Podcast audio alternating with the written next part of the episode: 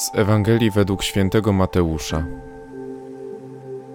Po powrocie Jezusa z krainy Gadareńczyków podeszli do niego uczniowie Jana i zapytali: Dlaczego my i faryzeusze dużo pościmy, twoi zaś uczniowie nie poszczą?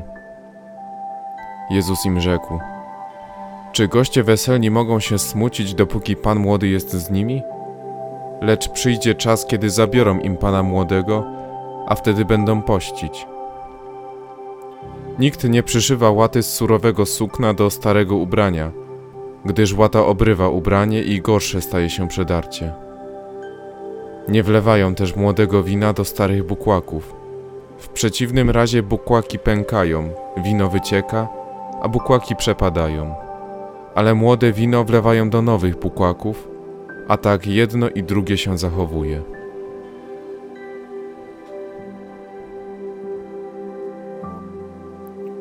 Pan Jezus jest tym, który przychodząc na świat, odnawia przymierze człowieka z Bogiem i w pewien sposób je przekształca.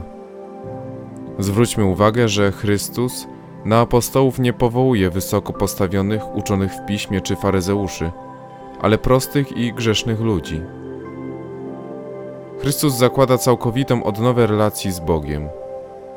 Jego duch jest zbyt mocny, by układać go w stare formy, których aktualność wygasa. Pan Jezus nie zniósł postu, ale chciał przywrócić jego prawdziwy charakter. Bardzo rygorystyczne podejście do prawa skutkowało często zaćmieniem prawdziwej pobożności. Chrystus zaś wskazał na prostotę serca.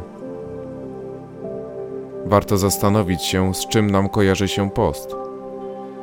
Może z różnymi postanowieniami, jakie podejmujemy w Wielkim Poście albo powstrzymywaniem się od jedzenia mięsa w piątek. Musimy pamiętać, że wyrzeczenia, których się podejmujemy, muszą wynikać z naszej wiary oraz pobożności. Ważna jest intencja, z jaką podejmujemy dany post. Jak często w naszych postanowieniach zawieramy to, aby na przykład mniej jeść? Pytanie tylko, czy motywacją do tego jest chęć podjęcia umartwienia, czy może zgubienie kilku kilogramów. Wcześniej w Ewangelii według świętego Mateusza czytamy: Kiedy pościcie, nie bądźcie posępni jak obłudnicy. Przybierają oni wygląd ponury, aby pokazać ludziom, że poszczą. Zaprawdę powiadam wam, już odebrali swoją nagrodę. Tak więc, gdy następnym razem będziesz podejmować post, zwróć uwagę na to, co cię do niego motywuje. Wzbudź w sobie konkretną intencję i ufaj, bo Ojciec Twój, który widzi w ukryciu, odda Tobie.